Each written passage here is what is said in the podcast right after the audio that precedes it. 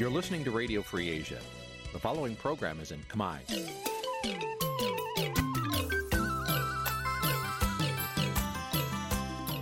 នេះជាកម្មវិធីផ្សាយ Vuthu Azizi Serai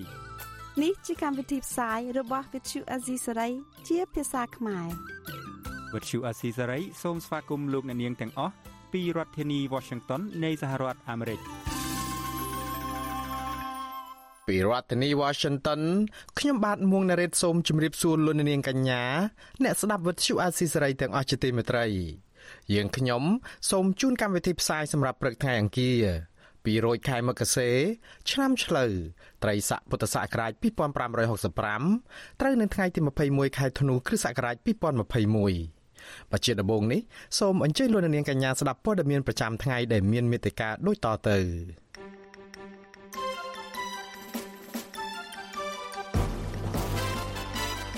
ប្រធានគណៈបកផ្នែកក្រៅត្រូវសមត្ថកិច្ចចាប់ខ្លួន សង្ស័យជាប់ពាក់ព័ន្ធករណីប្លន់អ្នកលក់លេអនឡាញសំណុំរឿងលោកមាសមុតត្រូវបិទបញ្ចប់ទាំងភាគីអន្តរជាតិនៅមិនទាន់អស់ចិត្តក្រុមមន្ត្រីចាស់ចាស់របស់គណៈបកហ៊ុនស៊ិនប៉ិចនៅតែមិនសុខចិត្តរឿងប្រធានបកបណ្ដឹងចេញពីបក អង្គការសិទ្ធិមនុស្សអន្តរជាតិថ្កោលទរដ្ឋាភិបាល ចំពោះទង្វើរារាំងកោតកម្មរបស់បុគ្គលិក Nagawal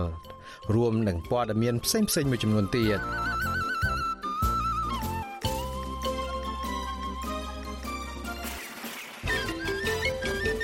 បច្ចុប្បន្នតទៅទៀតនេះខ្ញុំបាទមួងណារ៉េតសូមជូនព័ត៌មានពិស្ដា បាទលោកនាងជាទីមេត្រីប្រធានគណៈបកផ្នែកក្រោកលោកសុកសវណ្ណវឌ្ឍនាសាបុងហៅវីលៀមកវាំងត្រូវកម្លាំងសមត្ថកិច្ចរាជធានីភ្នំពេញចាប់ខ្លួនពីគេហដ្ឋានរបស់លោកស្ថិតនៅទីតាំងបរិយពេញហួតផ្លូវ60ម៉ែត្រនៅរាជធានីភ្នំពេញកាលពីយប់ថ្ងៃទី20ខែធ្នូនៅក្នុងចំណោមមនុស្ស12នាក់ដែលត្រូវបានឃាត់ខ្លួនដោយសង្ស័យជាប់ពាក់ព័ន្ធនឹងសកម្មភាពក្រុមចៅប្លន់ផ្ទះអ្នកលក់លេអនឡាញឈ្មោះអៀនសៀមៃ ទំព័រ Facebook របស់បញ្ជាការដ្ឋានកងរាជអាវុធហត្ថរាជធានីភ្នំពេញបានចុះផ្សាយកាលពីថ្ងៃទី20ខែធ្នូនោះថានៅក្នុងចំណោមជនទាំង12រូបដែលត្រូវឃាត់ខ្លួននោះមានមនុស្សប្រុស9នាក់និងស្រី3នាក់សមត្ថកិច្ចអះអាងថាពួកគេបានប្រមូលគ្រឿងពេជ្រដែលប្លន់បាននោះត្រឡប់មកវិញនិងដកហូតអាវុធចំនួន5ដើមមានកំភ្លើងវែង1ដើមនិងខ្លី4ដើម ពាក់ព័ន្ធនឹងព័ត៌មានលម្អិតជំរឿងនេះសូមលោកនាងរងចាំស្ដាប់ការផ្សាយរបស់វិទ្យុអាស៊ីសេរីនៅយប់នេះចាប់ពីម៉ោង7កន្លះដល់ម៉ោង8កន្លះបាទសូមអរគុណអាស៊ីសេរី បលូននាងជាទីមេត្រីព័ត៌មានតកតងនឹងអតីតកម្មាភិបាលខ្មែរក្រហមឯនោះទៅវិញសហប្រញ្ញាអន្តរជាតិនៃសាលាក្តីខ្មែរក្រហម នៅមិនអស់ចិត្តនឹងសេចក្តីសម្រេចរបស់អង្គជំនុំជម្រះតុលាការកំពូល ដែលកាលពីថ្ងៃទី17ខែធ្នូបានសម្រេចសេចក្តីចុងក្រោយនិងបិទផ្លូវតវ៉ាថាសំណុំរឿង003ពាក់ព័ន្ធនឹងអតីតកម្មាភិបាលខ្មែរក្រហមលោកមាសមុតត្រូវបានបិទបញ្ចប់ត្រឹមនេះ។ សហព្រាញ្ញាអន្តរជាតិចេញសេចក្តីថ្លែងការណ៍មួយកាលពីថ្ងៃទី20ខែធ្នូដោយលើកឡើងថាអង្គជំនុំជម្រះតុលាការកំពូលមិនបានធ្វើសេចក្តីសន្និដ្ឋានណាមួយលើប្រតិភិបឬភាពគ្មានទោសរបស់លោកមាសមុតចំពោះអក្រិតកម្មដ៏មហាធ្ងន់ធ្ងរដែលរូបគាត់ត្រូវបានចោទប្រកាន់រួមមានអំពើបល័យពូជសាសន៍អកតកម្មប្រឆាំងមនុស្សជាតិដូចជាអំពើមនុស្សឃាតការធ្វើទៅជាទាសករអំពើទរណកម្ម ការធ្វើទុកបុកម្នេញនិងអំពើអមនុស្សធម៌ផ្សេងទៀតដូចជាការរៀបការដោយបង្ខំជាដើមនោះទេដោយសារតែតឡាការកំពូលនៃសាលាក្តីកូនកាត់នេះសម្រាប់មិនបញ្ជូនរឿងលោកមាសមុតទៅជំនុំជម្រះនៅចំពោះមុខសាលាក្តីនេះសហព្រាញ្ញាអន្តរជាតិសម្លឹងឃើញតឡាការជាតិនៅក្នុងការបន្តរឿងក្តីនេះ សហប្រញ្ញាអន្តរជាតិថានៅពេលនេះការទទួលខុសត្រូវគឺស្ថិតនៅលើតុលាការជាតិកម្ពុជានៅក្នុងការផ្ដាល់យុត្តិធម៌ដោយកំណត់ថាតើលោកមាសមុតត្រូវទទួលខុសត្រូវផ្នែកព្រហ្មទណ្ឌចំពោះកតកម្មដ៏មហាធ្ងន់ធ្ងរនៅក្នុងការជំនុំជម្រះណាមួយដែលឯករាជ្យនិងឥតលំអៀងដើម្បីធានាភាពត្រឹមត្រូវនិងយុត្តិធម៌សម្រាប់គ្រប់ភាគីសំណុំរឿងលោកមាសមុតរងការខ្វែងយោបល់គ្នាគ្រប់ដំណាក់កាលជារួមភាគីជាតិ ទាំងបរិយាញ្ញាចៅក្រមស៊ើបអង្កេតចៅក្រមអង្គបរិយជំនុំជម្រះនឹងតឡាការកំពូលផងយល់ស្របគ្នាដោយជំទាស់មិនអោយកាត់ទោសលោកមាសមុតនោះឡើយដោយសំអាងថាលោកមិនមែនជាមេដឹកនាំជាន់ខ្ពស់ឬក៏អ្នកទទួលខុសត្រូវខ្ពស់បំផុតនៅក្នុងសម័យខ្មែរក្រហមនោះទេក៏ប៉ុន្តែភាគីអន្តរជាតិយល់ផ្ទុយពីនេះដោយសំអាងថាមានភ័ស្តុតាងគ្រប់គ្រាន់ដែលថាលោកមាសមុតពិតជាមានទួនាទីនឹងការទទួលខុសត្រូវខ្ពស់នៅក្នុងរបបនោះ បើទោះជាយ៉ាងនេះក្តីកិច្ចដំណើរការនីតិវិធីនៅក្នុងសំណុំរឿងលោកមាសមុតដែលអូសបន្លាយពេលជាង13ឆ្នាំមកនេះគឺត្រូវបិទបញ្ចប់ដោយបន្សល់ទុកនៅគេដំណែលនៃការខ្វែងច្បល់គ្នាដ៏ចាក់ស្រេះនិងភាពមិនអស់ចិត្តរបស់ភាគីអន្តរជាតិនេះក៏ប៉ុន្តែការសម្រេចនេះគឺស្របតាមការចង់បានរបស់លោកនាយរដ្ឋមន្ត្រីហ៊ុនសែនដែលតែងតែគម្រាមឲ្យបិទសាលាក្តីនេះបើហ៊ានកាត់ក្តីអតីតកម្មាភិបាលខ្មែរក្រហមបន្ថែមលើសពីសំណុំរឿង001និង002 បាទលោកនាងជាទីមេត្រីតកតងនឹងស្ថានភាពជំងឺ Covid-19 ឯណោះវិញលោកនាយរដ្ឋមន្ត្រីហ៊ុនសែនកាលពីថ្ងៃទី20ខែធ្នូបានប្រកាសបិទបញ្ចប់ព្រឹត្តិការណ៍20កុម្ភៈ នៃការឆ្លងជំងឺ Covid-19 ចូលនៅក្នុងសហគមន៍បន្ទាប់ពីលោកអះអាងថាស្ថានភាពជំងឺ Covid-19 បានធូរស្រាលឡើងវិញលោកថាជាក់ស្ដែងនៅថ្ងៃទី20ខែធ្នូនោះកម្ពុជាអត់មានករណីស្លាប់ដោយជំងឺ Covid-19 ទៀតនោះទេ ស្របពេលដែលអ្នកឆ្លងថ្មីធ្លាក់ចុះមកនៅត្រឹម7នាក់ព្រឹត្តិការណ៍សហគមន៍20កុម្ភៈដែលមានរយៈពេល10ខែ បានធ្វើឲ្យកម្ពុជាមានអ្នកឆ្លងជំងឺ Covid-19 ជាង120,000នាក់នៅក្នុងនោះជាសះស្បើយជាង110,000នាក់ និងស្លាប់ជាង3000នាក់លោកហ៊ុនសែនថ្លែងតាមរយៈសារជាសម្លេងដោយអះអាងថាជោគជ័យនៃការទប់ស្កាត់ជំងឺ Covid-19 នេះគឺដោយសារតែរដ្ឋាភិបាលបានសម្រុកចាក់វ៉ាក់សាំងជាបន្តបន្ទាប់លោកក៏មិនភ្លេចថ្លែងអំណរគុណដល់ប្រទេសមួយចំនួនដែលផ្ដល់វ៉ាក់សាំងសម្រាប់កម្ពុជា មានជាពិសេសប្រទេសចិន ទន្ទឹមនឹងគ្នានេះលោកហ៊ុនសែនក៏ណែនាំឲ្យរដ្ឋមន្ត្រីក្រសួងសេដ្ឋកិច្ចនិងហិរញ្ញវត្ថុលោកអូនពាន់មនីរតនិងរដ្ឋមន្ត្រីក្រសួងសុខាភិបាលលោកមុំប៊ុនហេងព្រមទាំងគណៈកម្មការចំពោះកិច្ចបន្តជំរុញការចាក់វ៉ាក់សាំងដូសជំរុញឬក៏ដូសទី3ឲ្យបានសម្រេចតាមកាលកំណត់ នៅថ្ងៃដដែលនោះក្រសួងសុខាភិបាលក៏បានចេញសេចក្តីប្រកាសព័ត៌មានស្តីពីការអនុញ្ញាតឲ្យប្រើប្រាស់វ៉ាក់សាំងស៊ីណូវ៉ាក់របស់ចិនដើម្បីចាក់ដូសជំរុញឬក៏ដូសទី3សម្រាប់កុមារនិងយុវជនដែលមានអាយុចាប់ពី12ឆ្នាំដល់18ឆ្នាំ។ក្រសួងសុខាភិបាលប្រកាសថាគិតមកត្រឹមថ្ងៃទី19ខែធ្នូរដ្ឋាភិបាលបានចាក់វ៉ាក់សាំងជូនប្រជាពលរដ្ឋចាប់ពីអាយុ5ឆ្នាំឡើងទៅបានជាង14លាន2សែននាក់ហើយនៅក្នុងនោះអ្នកចាក់បាន2ដូសមានជាង13លាន5សែននាក់និងអ្នកចាក់បាន3ដូសមានជាង3លាននាក់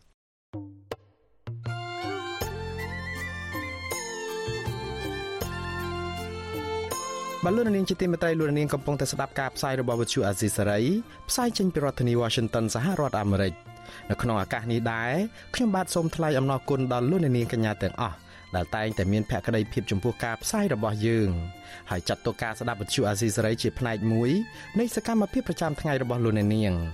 ការគ្រប់គ្រងរបស់លោកនាងនេះហើយដែលធ្វើឲ្យយើងខ្ញុំមានទឹកចិត្តកាន់តែខ្លាំងក្លាថែមទៀតនៅក្នុងការស្វែងរកនិងផ្តល់ព័ត៌មានជូនលោកអ្នកនាង មានអ្នកស្ដាប់និងអ្នកទស្សនាកាន់តែច្រើនកាន់តែធ្វើឲ្យយើងខ្ញុំមានភាពស្វាហាប់មមុតជាបន្តទៅទៀតយើងខ្ញុំសូមអរគុណទុកជាមុនហើយសូមអញ្ជើញលោកនាងកញ្ញាចូលរួមជំរុញឲ្យសកម្មភាពផ្តល់ព័ត៌មានរបស់យើងនេះកាន់តែជោគជ័យបន្ថែមទៀតលោកនាងអាចជួយយើងខ្ញុំបានដោយគ្រាន់តែចុចចែករំលែកឬក៏ share ការផ្សាយរបស់យើងនៅលើបណ្ដាញសង្គម Facebook និង YouTube ទៅកាន់មិត្តភ័ក្តិដើម្បីឲ្យការផ្សាយរបស់យើងបានទៅដល់មនុស្សកាន់តែច្រើនបាទសូមអរគុណ បលូនអ្នកស្ដាប់ជាទីមេត្រីសកម្មជនគណៈបកសង្គ្រោះជាតិនិងអ្នកឃ្លាំមើលសង្គមរិះគន់រដ្ឋាភិបាលលោកហ៊ុនសែនថាជ្រើសយកវិធីរឹបអូសទ្រព្យសម្បត្តិគណៈបកដតីនិងខ្លាចជាគំរូអាក្រក់សម្រាប់មនុស្សចំនួនក្រោយរបស់បកកណ្ដាលអំណាចធ្វើតាម។ ការរិះគន់នេះធ្វើឡើងក្រោយពេលដែលអាជ្ញាសាលានៃសាលាដំបងរាជធានីភ្នំពេញចាប់ផ្ដើមចុះវិតម្លៃអចលនៈទ្រព្យទីស្នាក់ការគណៈបកសង្គ្រោះជាតិនៅឯសង្កាត់ចាក់រ៉ែលើនៅឯខណ្ឌមានជ័យនៅថ្ងៃទី20ខែធ្នូម្សិលមិញនេះដើម្បីដាក់លក់ដោយបង្ខំយកលុយសងជំងឺចិត្តក្រុមមេដឹកនាំរបស់គណៈបកកណ្ដាលអំណាចក្រុមសកម្មជននិងអ្នកគាំទ្រគណៈបកប្រឆាំងហៅការព្យាយាមរបស់រដ្ឋាភិបាល ក្នុងការបង្ខំលក់ទីស្នាក់ការគណៈបកសង្គ្រោះជាតិ ថាជាការឆក់ប្លន់ទ្រព្យសម្បត្តិរបស់ប្រជាពលរដ្ឋខ្មែរតាមរយៈការប្រើប្រាស់ប្រព័ន្ធតឡាការជាឧបករណ៍ពួកគេបញ្ជាក់ជាថ្មី ថាលុយទិញដីនឹងសាងសង់អគារនោះមិនមែនជារបស់មេដឹកនាំបកប្រឆាំងលោកសំរងស៊ីនោះទេតែជាលុយបានមកពីការរៃអង្គាសរបស់សមាជិកគណៈបកសំរងស៊ីមុនឆ្នាំ2013 ប្រធានចលនាសង្គ្រោះជាតិប្រទេសជប៉ុនលោកហៃវណ្ណាហៅវិធានការនេះថាធ្វើឡើងទាំងកំហឹងនិងគ្មានអធិបុលធ្វើឲ្យគណៈបកប្រឆាំងញញើតនោះឡើយលោកយល់ថារដ្ឋាភិបាល គួរហ៊ានបើកផ្លូវឲ្យលោកសំរងស៊ីមកតតាំងក្តីនៅក្នុងតុលាការកម្ពុជាឬក៏រដ្ឋាភិបាលគួរតែដាក់ពាក្យប្តឹងទាមទារទ្រព្យសម្បត្តិលោកសំរងស៊ីនៅប្រទេសបារាំងទៅជារឿងត្រឹមត្រូវ មានការសោកស្ដាយនៅពេលដែលលោកហ៊ុនសែនគាត់ធ្វើអ្វីមួយទាំងកំហឹងកំហល់អញ្ចឹងណាវាដូចជាមិនសមជាថ្នាក់ដឹកនាំទេហើយបើគាត់ខឹងជាមួយសាមរងស៊ីគាត់មិនត្រូវព្រោះគ្នាជាមួយអាគារដែលជាសមិទ្ធផលរបស់ប្រជាពលរដ្ឋខ្មែរហ្នឹងទេវាជាទង្វើមួយដែលថោកទាបបំផុតហើយចំពោះថ្នាក់ដឹកនាំមរុខអាជ្ញាសាលានៃសាលាដំបូងរាជធានីភ្នំពេញលោកទៀងសុភ័ណ្ឌបានដឹកនាំមន្ត្រីពាក់ព័ន្ធជាច្រើនអ្នកចុះទៅវាយតម្លៃអចលនទ្រព្យដូចជាអាគារនិងដីរបស់គណៈបកសង្គ្រោះជាតិ ស្ថិតនៅក្នុងភូមិព្រែកតកុងសកាត់ចាក់អង្រែលើនៅថ្ងៃទី20ខែធ្នូក្រោយការចុះពិនិត្យរួចសាលាដំបងរាជធានីភ្នំពេញមិនទាន់បង្ហាញលទ្ធផលឬបង្ហាញតម្លៃថាអចលនទ្រព្យនេះនឹងត្រូវដាក់ដេញថ្លៃលក់ចាប់ពីតម្លៃប្រមាណនោះទេវិទ្យុអាស៊ីសេរីមិនអាចសុំការបញ្ជាក់បន្ថែមពីអ្នកនាំពាក្យសាលាដំបងរាជធានីភ្នំពេញលោកអ៊ីរិននិងអ្នកនាំពាក្យគណៈបកប្រជាជនកម្ពុជាលោកសុកអេសានបាននៅឡើយទេនៅថ្ងៃទី20ខែធ្នូបើទោះបីជាយ៉ាងនេះក្តីលោកអ៊ីរិនធ្លាប់បានប្រាប់សារព័ត៌មាននៅក្នុងស្រុក ថាការចោះទៅស្រាវជ្រាវអំពីទំហំដីអចលនៈទ្រព្យនិងអាគារជាដើមនេះគឺជានីតិវិធីនៅក្នុងសំណុំរឿងដែលត្រូវអនុវត្តដោយបង្ខំពាក់ព័ន្ធនឹងករណីនេះដែរក្រុមអ្នកឃ្លាំមើលសង្គមមិនស្វាគមន៍វិធានការតឡាការនេះទេព្រោះពួកគេចាត់ទុកថារឿងនេះមិនមែនជាការអនុវត្តច្បាប់នោះឡើយព្រោះវាជាវិវាទនយោបាយសុទ្ធសាធ អ្នកសិក្សាផ្នែកច្បាប់លោកពុតកលកាយល់ថាចេតនានៃការចង់បំផ្លាញដល់ឫសគល់គណៈបកប្រឆាំងតាមរយៈការរឹបអូសទ្រព្យសម្បត្តិរបស់គណៈបកប្រឆាំងនៅពេលនេះនឹងធ្វើឲ្យមានការរិះគន់បន្ថែមទៀតទៅលើបកកណ្ដាលអំណាចយុវជនរូបនេះមិនលើកទឹកចិត្តឲ្យអ្នកនយោបាយប្រើវិធីនេះទេព្រោះវាមិនមែនជាដំណោះស្រាយនយោបាយនោះឡើយ លោកពុតកលការថាការប្រើវិធីសាស្ត្ររឹបអូសទ្រព្យសម្បត្តិដៃគូដើម្បីបង្ក្រាបផ្នែកនយោបាយនេះនឹងក្លាយជាទម្លាប់អាក្រក់ដល់អ្នកជំនាន់ក្រោយគឺជារឿងដែលខុសឆ្គងហើយវាជាគំរូអាក្រក់សម្រាប់អ្នកយោបាយចំនួនក្រោយរបស់គណៈបកខ្លួនឯងផ្ទាល់ហ្នឹងគណៈបកកំណែខ្លួនឯងផ្ទាល់ហ្នឹងដើម្បីយកជាគំរូអាក្រក់ក្នុងការធ្វើរឿងនឹងបន្តទៀតប្រសិនបើអនាគតកាលទៅមានគណៈបកប្រឆាំងដែលលេចធ្លោ ចៅក្រមសាលាដំបងរាជធានីភ្នំពេញលោកអឹមវណ្ណៈបានចេញដីកាចំនួន4ដាច់ដライពីគ្នាកាលពីខែវិច្ឆិកាបង្គាប់ឲ្យអាជ្ញាធររឹបអូសទ្រព្យសម្បត្តិលោកសំរងស៊ីនិងភរិយារបស់លោកយកទៅសងជំងឺចិត្តមេដឹកនាំបកកណ្ដាលអំណាចដោយជាលោកនាយរដ្ឋមន្ត្រីហ៊ុនសែនចំនួន1លានដុល្លារប្រធានរដ្ឋសភាលោកហេងសំរិនចំនួន6សែនដុល្លាររដ្ឋមន្ត្រីក្រសួងមហាផ្ទៃលោកសខេងចំនួន5សែនដុល្លារនិងស្ថាប័នរដ្ឋាភិបាលជាង4សែនដុល្លារ សំណងទាំងនេះកើតចេញពីលទ្ធផលនៃសេចក្តីសម្រេចរបស់តុលាការដែលធ្វើដោយគ្មានវត្តមានលោកសំរងស៊ីនៅក្នុងសវនាការជំនុំជម្រះក្តីនិងឲ្យលោកសំរងស៊ីចាញ់ក្តីជាបន្តបន្ទាប់ក្នុងសំណុំរឿងបាត់បរិហាគេក្រុមមេដឹកនាំបកកណ្ដាលអំណាច បើទោះបីជាច្បាប់កម្ពុជាចែងអំពីសវនាការចំពោះមុខដែលតម្រូវឲ្យមានវត្តមានជនជាប់ចោតនៅក្នុងពេលសវនាការយ៉ាងណាក្តីរដ្ឋាភិបាលលោកហ៊ុនសែនបានបិទផ្លូវនិងរារាំងមិនឲ្យលោកសំរងស៊ីអាចវិលចូលមកកម្ពុជា ដើម្បីចូលតតាំងក្តីនៅចំពោះមុខក្នុងសវនាការទាំងនោះបាននោះឡើយ។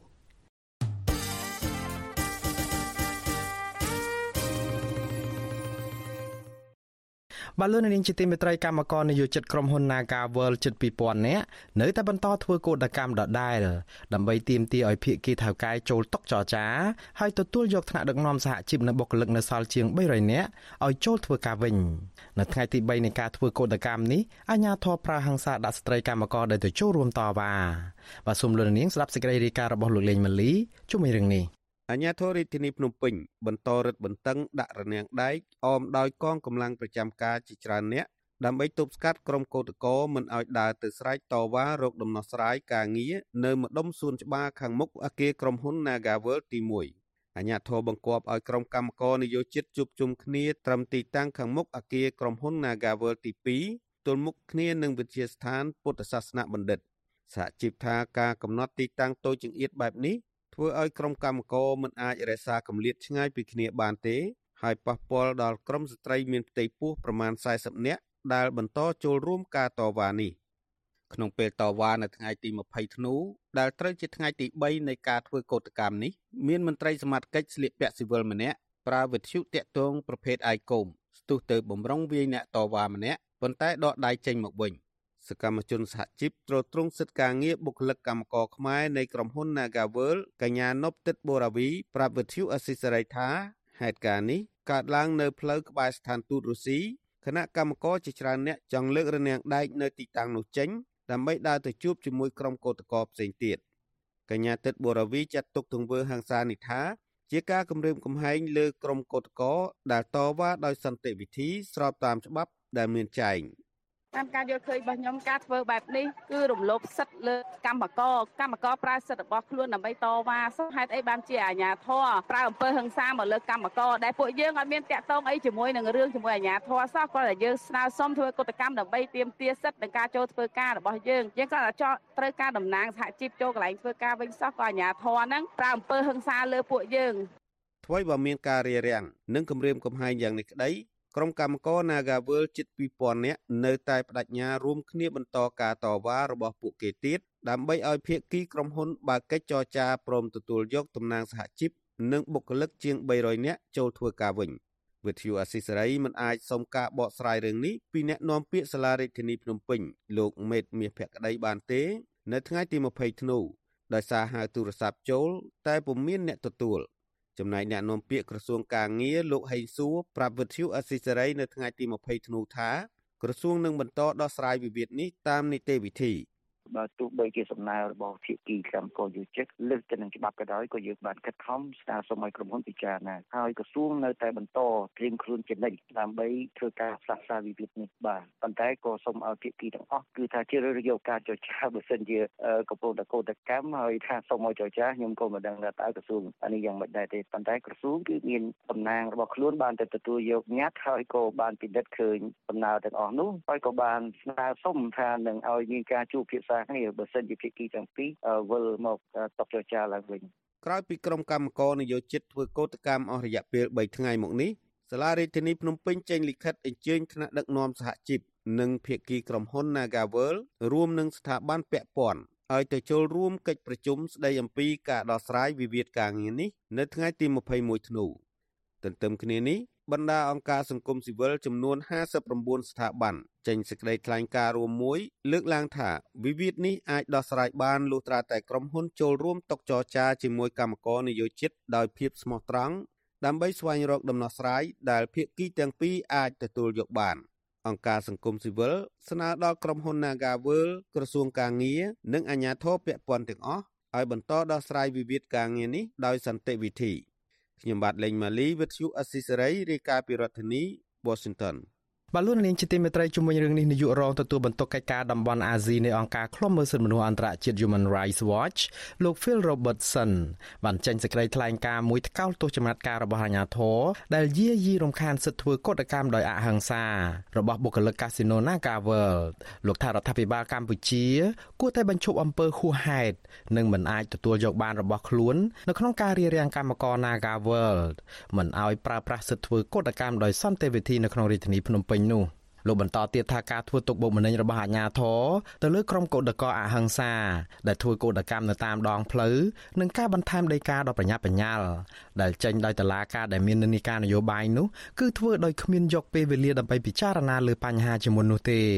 ទង្វើទាំងអស់នេះលោកថាបង្ហាញថារដ្ឋាភិបាលបានត្រៀមខ្លួនរួចជាស្រេចទៅហើយនៅក្នុងការបដិសេធសិទ្ធិរបស់កម្មករទាំងនោះ។ សិទ្ធិការងារជាមូលដ្ឋានដូចជាសេរីភាពនៅក្នុងការបង្កើតសមាគមសិទ្ធិនៅក្នុងការចរចាជាសមរភាព និងសិទ្ធិធ្វើកោតកម្មលោកថាគឺស្ថិតនៅក្រោមការគម្រាមកំហែងដោយសកម្មភាពដែលមិនអាចទទួលយកបានរបស់រដ្ឋាភិបាលកម្ពុជា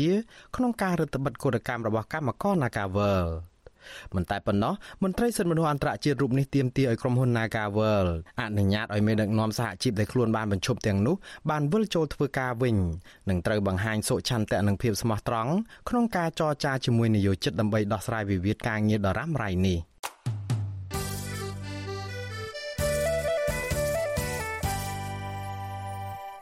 បាទលោកនាងជាទីមេត្រីជុំវិញរឿងនេះដែរក្រុមអង្គការសង្គមស៊ីវិលចាត់ទុកសាររបស់មន្ត្រីជាន់ខ្ពស់ក្រសួងការងារលោកហេងសួរថាហាក់ដូចជាគម្រាមកំហែងនឹងលៀបពណ៌ចំពោះកម្មករនិងអ្នកការពារសិទ្ធិការងារក៏ប៉ុន្តែបែរជាផ្ដាល់ផលប្រយោជន៍ដល់ថកែខលខូចឲ្យបន្តរំលោភសិទ្ធិពលករខ្មែរតទៅទៀត ក៏ប៉ុន្តែមន្ត្រីជាន់ខ្ពស់ក្រសួងការងារលោកហេងសួរវិញអះអាងថាខ្លឹមសារដែលលោកបានបង្ហោះលើបណ្ដាញសង្គម Facebook នោះមិនមែនមានន័យគំរាមកំហែងរារាំងឬក៏លៀបពណ៌ដល់ក្រុមណាមួយនោះទេដោយលោកអះអាងថាលោកគ្រាន់តែចង់ចែករំលែកចំណេះដឹងដើម្បីទប់ស្កាត់សកម្មភាពបដិវត្តពណ៌តែប៉ុណ្ណោះបាទអ្នកស្រីសុជីវីរាយការណ៍ជំនាញព័ត៌មាននេះមន្ត្រីសង្គមស៊ីវិលនិងថ្នាក់ដឹកនាំសហជីពលើកឡើងថាការអនុវត្តសិទ្ធិរបស់ក្រមសហជីពនិងកម្មករកំពុងដើរថយក្រោយ ពីព្រោះអ្នកអនុវត្តសិទ្ធិដោយសន្តិវិធីស្របតាមច្បាប់ តែងរងការគំរាមកំហែងស្ទើរគ្រប់ទម្រង់ពីមន្ត្រីរដ្ឋាភិបាលជាបន្តបន្ទាប់ប្រធានសហព័ន្ធសហជីពកម្មករចំណីអាហារនិងសេវាកម្មកម្ពុជា អ្នកស្រីឧទេផលីនថ្លែងថាមន្ត្រីរដ្ឋាភិបាលមួយចំនួនមានផ្នត់គំនិតដកជាប់ការចោទប្រកាន់លើកម្មករសហជីពអ្នកការពារសិទ្ធិមនុស្សថាក្បត់ជាតិញុះញង់និងបដិវត្តពណ៌ជាដើម មន្ត្រីសង្គមស៊ីវិលរូបនេះសង្កេតឃើញថាអាញាធរឬរដ្ឋាភិបាលមិនដែលបញ្ចេញសារណាមួយដាក់បន្ទុកលើនយោជកខលខូចនោះទេអ្នកស្រីយល់ថាសាររបស់មន្ត្រីរដ្ឋាភិបាលនៅពេលនេះហាក់ជាសញ្ញាផ្ដល់ប្រយោជន៍ទៅដល់ថៃកែឬបើកដៃឲ្យពួកគេ រំលោភសិទ្ធិពលរដ្ឋខ្មែរតាមទំនឹងចិត្តយើងអត់ដែលឃើញខាងពាក្យពេចការលើកឡើងពីខាងអាជ្ញាធរហ្នឹងទៅដាក់បន្ទុកទៅនយោជកអីអាការលើកឡើងបែបហ្នឹងដែលហាក់ជាសញ្ញានៅការផ្ដល់អំណោយផលទៅឲ្យនយោជកហ្នឹងមិនត្រឹមតែនយោជក Naga ទេគឺនយោជកទាំងអស់នៅក្នុងវិស័យឯកជនហ្នឹងអ្នកណាដែលចែងតែមលុបបំពេញសិទ្ធិកម្មករហ្នឹងបានដៃដោយសារតែមានការដល់ជាអំណោយផលនិងបរិយាកាសងាយស្រួលដោយសារតែទ្រឹស្ដីពាក្យទាំងអស់ហ្នឹងឯង ប្រធានសមាគមប្រជាធិបតេយ្យឯករាជ្យនៃសេដ្ឋកិច្ចក្រៅប្រព័ន្ធលោកវ៉ុនពៅលើកឡើងថាកម្មករនយោជិតមានសិទ្ធិធ្វើកោតកម្មបាតុកម្មដោយសន្តិវិធី ដែលមានចែងនៅក្នុងអនុសញ្ញាពលកម្មអន្តរជាតិនិងរដ្ឋធម្មនុញ្ញកម្ពុជា ដោយសកម្មភាពទាំងនោះមិនមែនជាបដិវត្តពណ៌ឡើយលោកមើលឃើញថាកន្លងមក អ្នកប្រើប្រាស់សិទ្ធិទាំងនោះតែងតែរងការលាបពណ៌តាមរយៈការបង្កើតព័ត៌មានคล้ายៗនៅក្នុងបណ្ដាញសង្គម លោកបញ្ជាក់ថាប្រទេសដែលគោរពសិទ្ធិមនុស្សប្រកាន់លទ្ធិប្រជាធិបតេយ្យនិងនីតិរដ្ឋពិតប្រាកដមន្ត្រីរដ្ឋាភិបាលត្រូវប្រើប្រាស់តួនាទីរបស់ខ្លួនដោះស្រាយបញ្ហាជូនប្រជាពលរដ្ឋដោយក្រមសីលធម៌និងទំនួលខុសត្រូវខ្ពស់ហើយជៀសវាង ការប្រើប្រាស់ពាក្យពេចន៍ដែលបង្កើតឲ្យមានរូបភាពគំរាមកំហែងបំផិតបំភ័យឬមិនសមគួរណាមួយ ដែលប៉ះពាល់ទៅដល់ពួកគេ ជាពិសេស ក្នុងអំឡុងពេលអនុវត្តសិទ្ធិរបស់ពួកគេយើងឲ្យតែមានការតវ៉ាដូចជារឿងដីធ្លីការតវ៉ារបស់សង្គមស៊ីវិលរបស់សហជីពរបស់កម្មករនយោជិតតែងតែមានការបង្កើតព័ត៌មានឬក៏ fake news ឬក៏ account Facebook คล้ายคล้ายហ្នឹងលាបពណ៌ថាក្រុមហ្នឹងសិតតែក្រុមបដិវត្តពណ៌ក្រុមប្រឆាំងក្រុមអីគឺខ្ញុំមើលទៅវាជារូបភាពមួយវាអាក្រក់ណាស់សម្រាប់ប្រទេសមួយដែលសរសេរនៅក្នុងរដ្ឋធម្មនុញ្ញគោរពសិទ្ធិមនុស្សគោរពលទ្ធិប្រជាធិបតេយ្យ ប្រតិកម្មរបស់ក្រុមអង្គការសង្គមស៊ីវិលនេះគឺបន្ទាប់ពីរដ្ឋលេខាធិការនិងជាអ្នកនាំពាក្យក្រសួងការងារលោកហេងសួរដែលជាមនុស្សស្និទ្ធជាមួយនឹងលោកហ៊ុនម៉ាណែតបានបង្ហោះសារនៅលើ Facebook ជាបន្តបន្ទាប់ទំនងជាសម្ដៅទៅដល់ក្រុមកម្មករនៅកាស៊ីណូ Nagavel ដែលធ្វើកោតកម្មទាមទារដំណោះស្រាយការងារថាអ្នកដែលប្រើប្រាស់អនិច្ចជនឬស្ត្រី ជាពិសេសស្ត្រីមានកូនខ្ចីឬមានផ្ទៃពោះដើម្បីចូលរួមតវ៉ាអ្វីមួយ គឺជាតាក់ទិកមួយ ដែលសរសេរនៅក្នុងក្បួនរបស់អ្នករៀបចំចលនាបដិវត្តពណ៌នៅប្រទេសណាមួយលោកបន្តថាអ្នករៀបចំផែនការតែងចង់ឲ្យមានគ្រោះថ្នាក់ដោយចៃដន្យទៅលើអនិច្ចជនឬស្ត្រី ដើម្បីទាក់ទាញនិងបញ្ឆេះកំហឹងមហាជនលោកបញ្ជាក់ថាតាក់ទិកនេះពួកគេអាចប្រើបាននៅដើមឆ្នាំ2000និង2010ប៉ុន្តែអាជ្ញាធរមានសមត្ថកិច្ចប្រទេសនានាតែងតែចាត់ការលើមេខ្លោងនិងជនដៃដល់ដែលអនុវត្តផែនការនេះបានទាន់ពេលវេលា លើសពីនេះលោកហេងសួរនិងប្រព័ន្ធឃោសនាគាំទ្ររដ្ឋាភិបាល Fresh News ថែមទាំងព្យាយាមផ្សព្វផ្សាយព័ត៌មានដាក់បន្ទុកទៅលើថ្នាក់ដឹកនាំសហជីពប្រចាំនៅក្រុមហ៊ុន Nagavel ថាមានការជួយជ្រោមជ្រែងពីជនបរទេសហើយថែមទាំងគាំទ្រឲ្យសមត្ថកិច្ចចាត់វិធានការតាមច្បាប់លើពួកគេទៀតផងអ្នកប្រើបណ្ដាញសង្គម Facebook ជាច្រើនបានរិះគន់និងចាត់ទុកសារនោះថាធ្វើឡើងក្រោមហេតុផលលៀបពណ៌ចោតប្រកាន់ខុសទំនងនិងអគុណធម៌ ស្របពេលដែលបុគ្គលិកក្រុមហ៊ុន Casino NagaWorld កំពុងធ្វើកោតកម្មទាមទាររកដំណោះស្រាយចំពោះការរំលោភសិទ្ធិការងារពីសំណាក់ថៃកែលើសពីនេះពួកគេបានបញ្ចេញមតិទៀតថាក្រុមហ៊ុន NagaWorld គួរចេញមកដោះស្រាយដោយមានការសម្របសម្រួលពីអាជ្ញាធរហើយអ្វីអាជ្ញាធរខ្លាយទៅជាអ្នកនាំពាក្យរបស់ក្រុមហ៊ុន និងដើរតួនាទីជាក្រុមហ៊ុនទៅវិញ។ ទោះជាយ៉ាងណារដ្ឋលេខាធិការក្រសួងការងារនិងបណ្ដុះបណ្ដាលវិជ្ជាជីវៈលោកហេងសួរបកស្រាយខ្លឹមសារដែលលោកបានបង្ហោះនៅលើបណ្ដាញសង្គម Facebook នេះថាមិនសំដៅទៅនរណាម្នាក់នៅកម្ពុជាឬក្នុងន័យគម្រាមកំហែងរារាំងនិងលៀបពណ៌ដល់ក្រុមណាមួយនោះដែរដោយលោកគ្រាន់តែចែករំលែកចំណេះដឹងទូទៅពីតាក់ទិកការធ្វើបដិវត្តពណ៌តែប៉ុណ្ណោះ ហើយមែនតើទៅខ្ញុំគិតថាវាជាព័ត៌មានទូទៅដែលភាគីទាំងអស់ទាំងជនជាតិកម្ពុជាក៏ដូចជាអាជ្ញាធរឬបុគ្គលទាំងអស់គឺថាអាចយកវាធ្វើជាព័ត៌មានមួយដើម្បីធ្វើការប្រយ័ត្នប្រយែងទាំងអស់គ្នាជាជាងហើយមិនដឹងឬមួយក៏ធ្វើទៅមានគេប្រើប្រាស់រូបភាពនេះរូបភាពនោះតែវាគួរតែជាចំណេះដឹងវាគួរតែជាព័ត៌មានដែលយើងដឹងហើយគេហៅថាដកពិសោធន៍ហើយប្រយ័ត្នប្រយែងនៅក្នុងការអនុវត្តកិច្ចការងារមួយ ឲ្យបានល្អទៅប៉ុណ្ណឹងលោកហេងសួរដែលជាមនុស្សចំណិតរបស់លោកហ៊ុនម៉ាណែតនោះធ្លាប់រងការរិះគន់ថាលោកគឺជាមនុស្សដៃឆៅម្នាក់កាលពីឆ្នាំ2018មានខ្សែអត្ថសម្លេងមួយបានបែកធ្លាយនឹងត្រូវអ្នកប្រើប្រាស់បណ្ដាញសង្គម Facebook ចែកចាយប្រងព្រាតដែលគេសង្ស័យថាជាសម្លេងរបស់អ្នកនាំពាក្យក្រសួងកាងារលោកហេងសួរនិយាយពីការរៀបចំផែនការជួលក្រុមជនពីលឲ្យបង្កអំពើហិង្សា និងបង្កើតជាព្រឹត្តិការណ៍គ្រោះថ្នាក់ចរាចរណ៍ជាដើម ដើម្បីធ្វើបាបក្រុមប្រឆាំងនិងអ្នករិះគន់នៅក្រៅប្រទេសនិងនៅក្នុងប្រទេសកម្ពុជាប៉ុន្តែករណីនេះមិនត្រូវបានអាជ្ញាធរបើកការស៊ើបអង្កេតនោះទេគិតចាប់តាំងពីថ្ងៃទី18ខែធ្នូក្រុមកម្មករនៅកាស៊ីណូ Naga World ចំនួន72000នាក់បានធ្វើកោតកម្មដោយសន្តិវិធីចំនួន3ថ្ងៃមកហើយដើម្បីទាមទារឲ្យថៃកែបនលបៃមួយនេះគោរពសិទ្ធិការងារនិងទទួលយកបុគ្គលិកជាង300នាក់ឲ្យចូលធ្វើការវិញ បើទោះបីជាអាជ្ញាធររាប់រយនាក់ឈររារាំងមិនឲ្យធ្វើដំណើរនិងតវ៉ាក៏ដោយក៏ពួកគេនៅតែបន្តធ្វើកោតកម្មតទៅទៀតលុះត្រាតែភៀកគីថៃកែទទួលយកបុគ្គលិកឲ្យចូលធ្វើការវិញមន្ត្រីគ្រប់គ្រងកម្មវិធីសិទ្ធិការងារនៃអង្គការសង្ត្រាល់លោកខុនថារ៉ូយល់ថាការលើកឡើងរបស់មន្ត្រីជាន់ខ្ពស់ក្រសួងការងារនៅលើបណ្ដាញសង្គមគឺជាសិទ្ធិសម្ដែងមតិប៉ុន្តែពលរដ្ឋគឺជាអ្នកវិនិច្ឆ័យ ទន្ទឹមនឹងនេះលោកបញ្ជាក់ថាករណីស្ត្រីមានផ្ទៃពោះក៏ជាបុគ្គលិកបម្រើការនៅក្នុងក្រុមហ៊ុន Nagavel ដែរពួកគេមានសិទ្ធិពេញលេញក្នុងការចូលរួមធ្វើកោតកម្មដោយសន្តិវិធី និងអហិង្សាហើយពួកគេស្ម័គ្រចិត្តនិងគ្មាននរណាបង្ខិតបង្ខំឡើយលោកចាត់ទុកទម្រង់សារคล้ายคล้ายដែលបង្កើតឡើងឲ្យមានការញុះញង់លៀបពណ៌និងចោតប្រកាន់លើបណ្ដាញសង្គមចំពោះអ្នកអនុវត្តសិទ្ធិស្របច្បាប់គឺជាសកម្មភាពដ៏អាក្រក់ ដែលអាជ្ញាធរគួរតែលុបបំបាត់និងគួរស៊ើបអង្កេតទម្រង់ព័ត៌មានទាំងនោះ ដែលធ្វើឲ្យមានការភ័ន្តច្រឡំនិងមានការរើសអើងជារឿង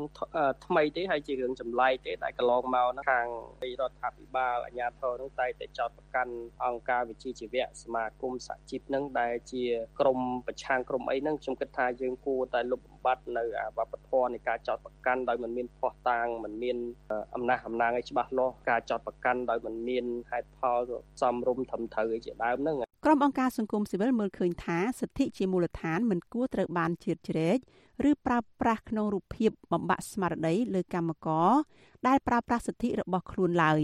ពួកគាត់យល់ថាសារព្រមានពីមន្ត្រីរដ្ឋាភិបាលកើតឡើងជារឿយៗហើយក្រមសហជីពនិងកម្មករតែងប្រឈមនឹងការចោទប្រកាន់តាមប្រព័ន្ធតុលាការជាបន្តបន្ទាប់ក្រោយពួកគេចេញមុខការពារសិទ្ធិដែលទទួលរងអំពើអយុត្តិធម៌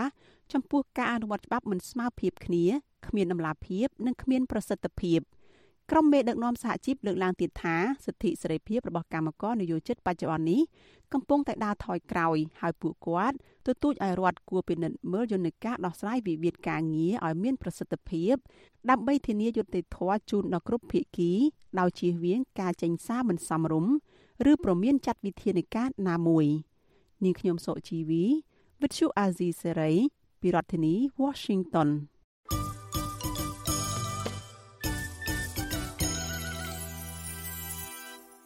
បលូននាងជាទីមេត្រីតកតងនឹងរឿងក្តីក្តាមផ្ទៃក្នុងរបស់គណៈបករាជានិយមឯណោះទៅវិញក្រុមមន្ត្រីចាស់ចាស់របស់គណៈបកហ៊ុនសំពេចចំនួន4នាក់នឹងស្វែងរកកិច្ចអន្តរាគមន៍ពីក្រសួងមហាផ្ទៃបន្តទៅទៀតក្រោយពេលដែលតុលាការក្រុងភ្នំពេញបដិសេធបណ្ដឹងសុំសាររើទូនីតិផ្ទៃក្នុងបកមន្ត្រីជាន់ខ្ពស់ទាំង4នាក់នោះមានអនុប្រធានគណៈបក3នាក់គឺលោកចាបញ៉ាលីវុតលោកហេងចន្ទថាលោកសាយហាក់និងម្នាក់ទៀតគឺជាសមាជិកគណៈកម្មការនយោបាយលោកផាន់សធី អ្នកនាំពាក្យគណៈកម្មការនយោបាយនៃគណៈបកហ្វុនសំពេចលោកផាន់សធីប្រាប់វិទ្យុអាស៊ីសេរីថាលោកគោរពតាមការសម្រេចរបស់តុលាការដែលសម្រេចមិនចាត់ការបណ្ដឹងនេះប៉ុន្តែយ៉ាងណាលោកសង្ឃឹមថាក្រសួងមហាផ្ទៃនឹងមានដំណោះស្រាយល្អសម្រាប់ពួកលោកដោយសារតែក្រសួងមហាផ្ទៃគឺជាអ្នកសម្របសម្រួលកិច្ចការងាររបស់គណៈបកនយោបាយលោកផាន់សធីបញ្ជាក់ថាក្រមមន្ត្រីចាស់ចាស់ទាំងអស់នៅតែមានឆន្ទៈចង់ជជែកគ្នាជាមួយនឹងភាគីខាងប្រធានស្ដីទីបកគឺព្រះអង្គម្ចាស់នរោត្តមចក្រាវុធដើម្បីបញ្ចប់ចំនួន គម្រោងនេះកើតមានឡើងក្រោយពេលដែលអនុប្រធានសាលាដំបងរាជធានីភ្នំពេញចក្រមកុយសៅបានចេញដោយការរក្សាការពីមួយកាលពីថ្ងៃទី17ខែធ្នូបញ្ជាក់ថាតឡាការមិនពិចារណាលើបណ្ដឹងដែលស្នើសុំឲ្យកំណត់ឋានៈជាមន្ត្រីបកបណ្ដោះអាសន្ននោះទេលោកកុយសៅបង្វែរឲ្យមន្ត្រីបកទាំង4ទៅរកកិច្ចអន្តរាគមន៍ពីក្រសួងមហាផ្ទៃវិញ ប្រធានស្ដីទីគណៈបកហ្វុនស៊ិមពេចប្រងម្ចាស់នរោត្តមចក្រវុឌ្ឍបានបណ្ដេញមន្ត្រីទាំង4នាក់ចេញពីបកនិងបានសម្រេចបញ្ចប់សមាជិកភាពទាំងអស់ចេញពីគណៈបកកាលពីឆ្នាំ2020ក្រោមមូលហេតុថាអ្នកទាំង4ប្រព្រឹត្តខុសលក្ខន្តិកៈរបស់បកនិងមានបំណងចង់រួបរวมជាមួយគណៈបកផ្នែករួបរวมជាតិរបស់លោកយ៉ាងប៊ុនឆៃដោយគ្មានវត្តមានប្រធានបកនៅពេលនោះគឺសម្ដេចក្រមព្រះក៏ប៉ុន្តែមន្ត្រីបកទាំង4នាក់បដិសេធការចោទប្រកាន់នេះនិងហៅការបណ្តេញចេញនោះថាគឺជារឿងមិនត្រឹមត្រូវ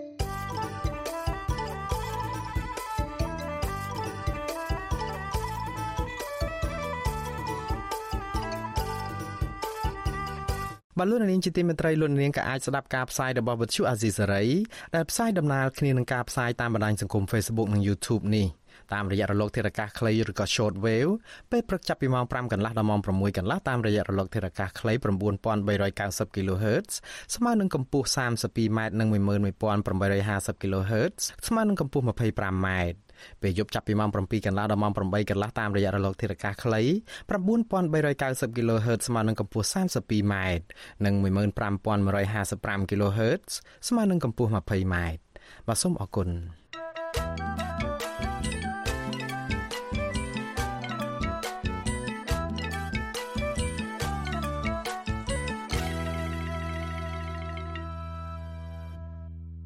បលូននាងជាទីមេត្រីក្រសួងអប់រំប្រកាសរឹតបន្តឹងការប្រឡងបាក់ឌុបឆ្នាំ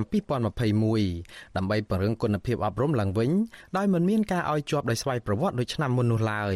សមាគមគ្រូបង្រៀនឯករាជ្យកម្ពុជាយល់ថាការរឹតបន្តឹងគឺជារឿងល្អក៏ប៉ុន្តែនៅក្នុងកលៈទេសៈនេះគឺមិនអាចទទួលបានជោគជ័យនោះទេដោយសារតែគ្រូបង្រៀននិងសិស្សានុសិស្សសុទ្ធតែជួបផលលំបាកច្រើននៅក្នុងការបង្រៀននិងរៀនដែលនាំឲ្យការត្រៀមខ្លួនសម្រាប់ការប្រឡងក្នុងពេលដ៏ខ្លីខាងមុខនេះនៅមិនទាន់មានលក្ខណៈគ្រប់គ្រាន់ បាទលោកទីនសាការីយ៉ារាយការណ៍ជុំវិញព័ត៌មាននេះក្រសួងអប់រំយុវជននិងកីឡានៅតែចាត់ទុកការរឹតបន្តឹងនិងការយកចិត្តទុកដាក់លើការប្រឡងគឺជារឿងសំខាន់ដើម្បីលើកកម្ពស់គុណភាពវិស័យអប់រំនៅកម្ពុជា ការប្រកាសនេះធ្វើឡើងនៅក្នុងសន្និសីទសារព័ត៌មាននៅព្រឹកថ្ងៃទី20ធ្នូស្ដីពីដំណើរការរៀបចំប្រឡងសញ្ញាបត្រមធ្យមសិក្សាទុតិយភូមិ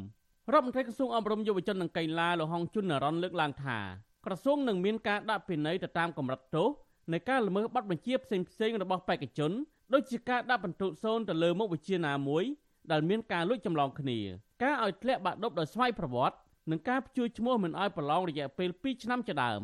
ដោយឡែកបុគ្គលិកអប់រំដែលប្រព្រឹត្តកំហុសឆ្គង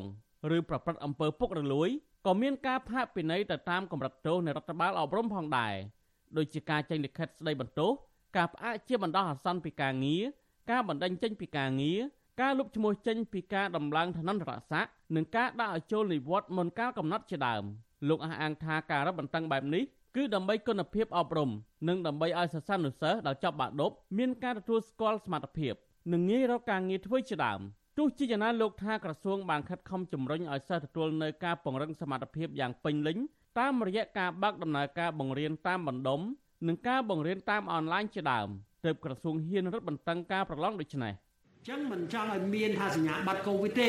ចង់ឲ្យសញ្ញាបត្រហ្នឹងមានគុណភាពដូចគ្នាដូច្នេះយើងយកវិធីសាស្ត្រមួយទៀតគឺការជួយគ្រប់គ្រងសិស្សនៅពេលរៀនវិញ លើកទឹកចិត្តឲ្យគាត់រៀនផ្ដល់ឯកសារជូនគាត់ឲ្យបានគ្រប់គ្រាន់ ក្រសួងគិតថាក្រសួងក៏បានខ្លឹងខ្លែងនៅបញ្ហានឹងយ៉ាងប្រុងប្រយ័ត្នដោយមិនចង់ឲ្យមានស្តង់ដារ2 3នៅក្នុងការប្រឡងហើយក៏មិនឲ្យសិស្សនឹងបាក់ទឹកចិត្តដែរគឺយើងរៀបចំការប្រឡងនៅចុងឆ្នាំដើម្បីឲ្យសិស្សនឹងមានពេលគ្រប់គ្រាន់ជាខ្ញុំជឿជាក់ថាយើងនឹងអាចដោះស្រាយបញ្ហានេះបានក្រសួងអប់រំយុវជននិងកីឡាបានចេញសេចក្តីប្រកាសព័ត៌មានស្តីពីការរៀបចំការប្រឡងសញ្ញាបត្រមធ្យមសិក្សាទុតិយភូមិ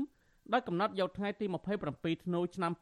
2021ដោយគោរពតាមគោលការណ៍សំខាន់សំខាន់4យ៉ាងគឺគោលការណ៍ច្បាប់យុត្តិធម៌តម្លាភាព និងលទ្ធផលទទួលយកបាន ការប្រឡងនេះនឹងប្រព្រឹត្តទៅរយៈពេល2ថ្ងៃហើយក្រោយពីមានការបូកស្រង់ពិន្ទុនិងផ្ទៀងផ្ទាត់ពិន្ទុរួចក្រសួងនឹងប្រកាសលទ្ធផលប្រឡងបាក់ឌុបនៅថ្ងៃទី18មករាសម្រាប់រាជធានីភ្នំពេញនិងថ្ងៃទី19មករាឆ្នាំ2022សម្រាប់បណ្ដាខេត្តផ្សេងៗ បេក្ខជនចុះឈ្មោះប្រឡងសរុបមានចំនួនជាង1សែននាក់មានមណ្ឌលប្រឡងសរុប204ត្រូវជាជាង4000បន្ទប់និងមណ្ឌលកំណែសរុបជាង10ទន្ទឹមនឹងនោះគណៈមេប្រយោគនិងគណៈកម្មការនានាដែលចូលរួមក្នុងដំណើរការប្រឡងសរុបមានជាង30000នាក់ក្រសួងក៏បានពង្រឹងកិច្ចសហការជាមួយក្រសួងស្ថាប័នចំនួន7ផ្សេងទៀតដូចជាក្រសួងមហាផ្ទៃក្រសួងសុខាភិបាលកងរាជអាវុធហត្ថលើផ្ទៃប្រទេសនិងអង្គភាពប្រឆាំងអំពើពុករលួយជាដើម ដើម្បីសម្រួលដំណើរការប្រឡងពិនិត្យដំណើរការប្រឡងក៏ដូចជាទប់ស្កាត់ជំងឺ Covid-19 ជាដើមជុំវិញនឹងបញ្ហានេះប្រធានសមាគមគ្រូបង្រៀនកម្ពុជាអាយក្រិចអ្នកស្រីអុកឆាយាវីឲ្យដឹងថាអ្នកស្រីគាំទ្រចំពោះវិធានការរឹតបន្តឹងការប្រឡងបាក់ដុំនេះប៉ុន្តែអ្នកស្រីតែងតែសង្កេតឃើញថាក្រសួងនៅតែអះអាងពីការរឹតបន្តឹងប៉ុន្តែការអនុវត្តជាក់ស្ដែងវិញគឺធូររលុងលើសពីនេះអ្នកស្រីយល់ថាក្រសួងអប់រំចាំបាច់ត្រូវតែពង្រឹងមូលដ្ឋានគ្រឹះនៃការបង្រៀន និងបង្រៀនតាំងពីថ្នាក់ក្រោមមកដោយមិនត្រូវចាត់ទុកថាការរឹតបន្តឹងការប្រឡងនៅថ្នាក់ទី12គឺជាគុណភាពអប់រំពិតប្រាកដនោះឡើយទោះជាយ៉ាងណាក្តីអ្នកស្រីស្នើឲ្យក្រសួងមានការថ្លឹងថ្លែងឡើងវិញអំពីស្ថានភាពជាក់ស្ដែងនៃការរៀនរបស់សិស្សានុសិស្សអំឡុងពេល COVID-19 នេះថាតើពួកគេពិតជាអាចត្រៀមខ្លួនគ្រប់គ្រាន់ចំពោះការប្រឡងតឹងរឹងនៅពេលខាងមុខនេះដែរទេចំពោះការដែលថារឹតបន្តឹង អូខេបើសិនជាពលរដ្ឋទាំងអស់គាត់មានថវិកាហើយសេវាទូរស័ព្ទហ្នឹងប្រើប្រាស់ល្អប្រសើរការរឹតបន្តឹងនេះគឺថាជោគជ័យ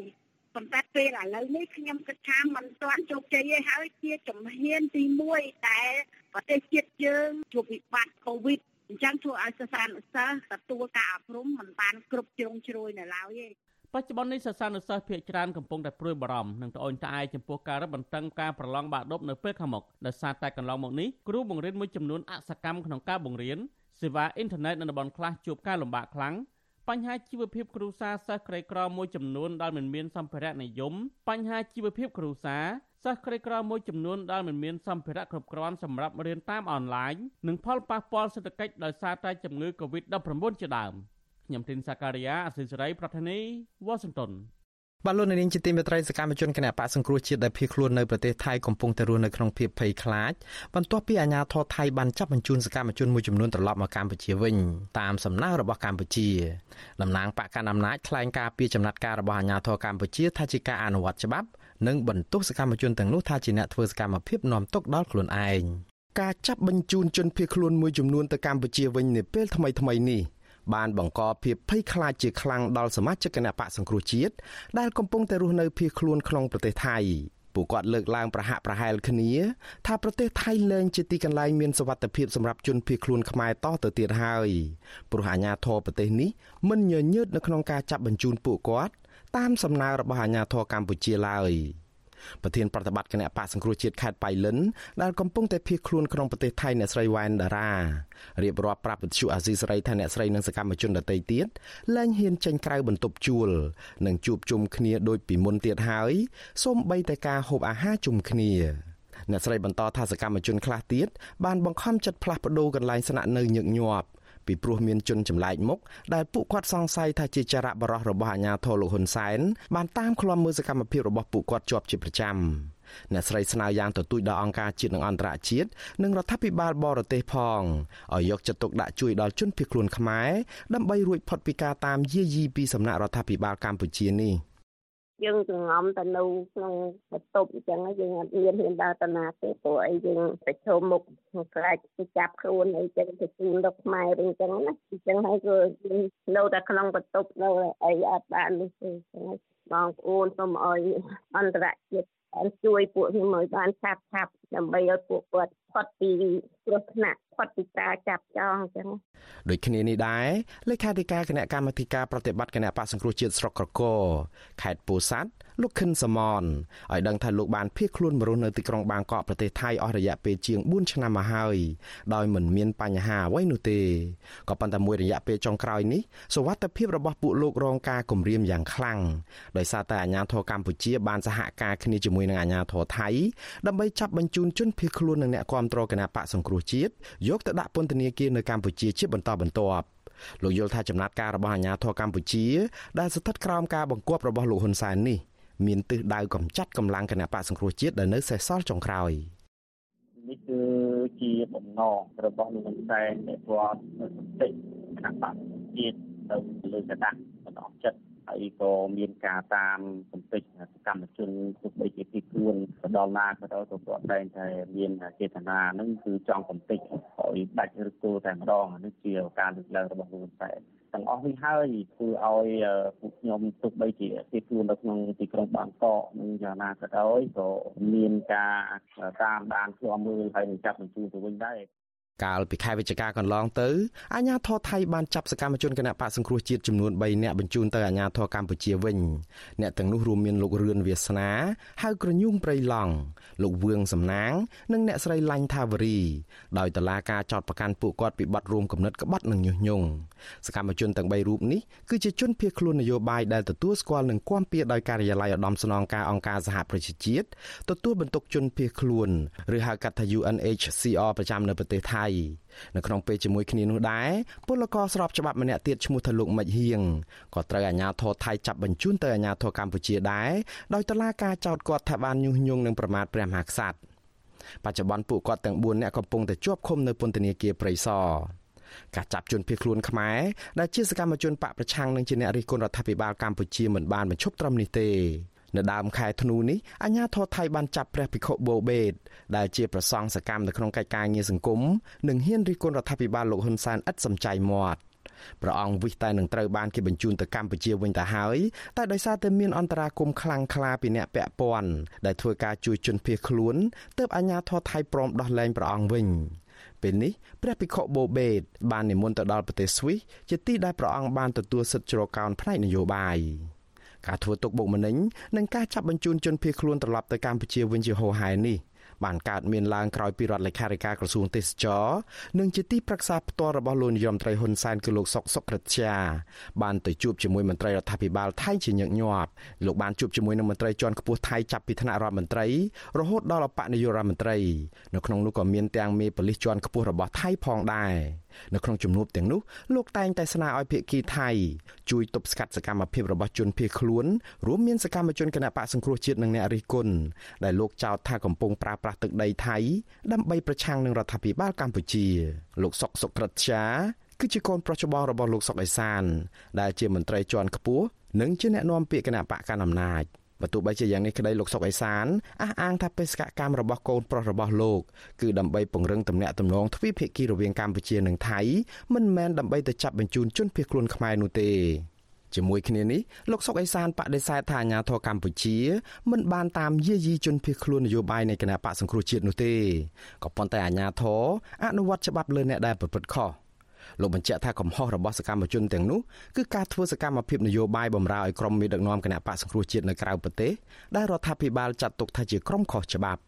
គាត់ដែលទៅពិបាកនៅថៃដោយសារណាណាមិនមែនដោយសារគណៈបកប្រជាជនឬរាជរដ្ឋាភិបាលកម្ពុជាទេដោយសារគាត់ជឿតាមក្រមធៀមក្រៅច្បាប់បើគុំជឿឲ្យនឹងធ្វើសកម្មភាពបំរើអបាយកលរបស់ក្រមធៀមក្រៅច្បាប់អត់មានបញ្ហាទេហើយអត់ពិបាកទេ នៅក្នុងស្រុកជួបជុំក្រុមគ្រួសារក៏បាន ទៅធ្វើការនៅប្រទេសក្រៅក៏បានអត់មាននរណាតាមយាយីទេផ្ទុយពីការបកស្រាយរបស់មន្ត្រីជាន់ខ្ពស់បកការអំណាចនេះអ្នកជំនាញផ្នែកច្បាប់និងសិទ្ធិមនុស្សអន្តរជាតិអះអាងថាជនភៀសខ្លួនមានសិទ្ធិពេញលេញនៅក្នុងការបញ្ចេញមតិនិងធ្វើសកម្មភាពនយោបាយតាមឆន្ទៈរបស់ខ្លួន។នាយករងទទួលបន្ទុកកិច្ចការតំបន់អាស៊ីនៃអង្គការឃ្លាំមើលសិទ្ធិមនុស្សអន្តរជាតិ Human Rights Watch លោក Phil Robertson មានប្រសាសន៍ថាឋានៈជនភៀសខ្លួនមិនបានធ្វើឲ្យនរណាម្នាក់ បាត់សិទ្ធិរបស់ខ្លួននោះទេផ្ទុយទៅវិញលោកមើលឃើញថារដ្ឋាភិបាលថៃ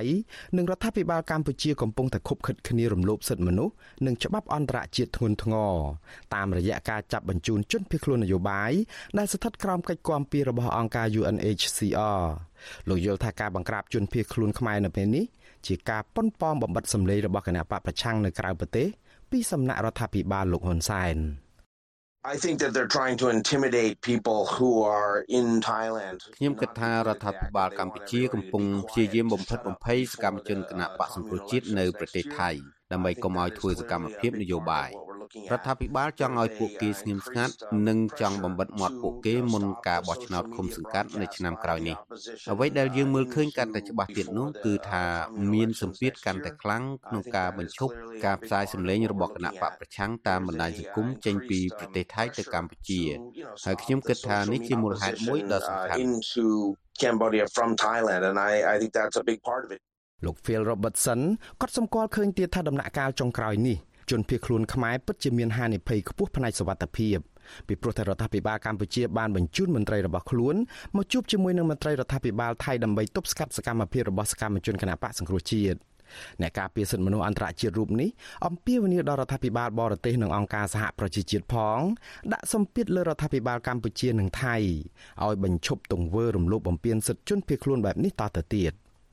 បច្ចុប្បន្ននេះសកម្មជនគណបកសង្គ្រោះជាតិដែលកំពុងតែភៀសខ្លួននៅក្នុងប្រទេសថៃមានជាង60នាក់ដោយពួកគាត់ភៀសច្រើនត្រូវបានចោទប្រកាន់នៅក្នុងសំណុំរឿងដំណើរមាតុភូមិនិវត្តរបស់លោកសំរងស៊ីកាលពីថ្ងៃទី9ខែវិច្ឆិកាឆ្នាំ2019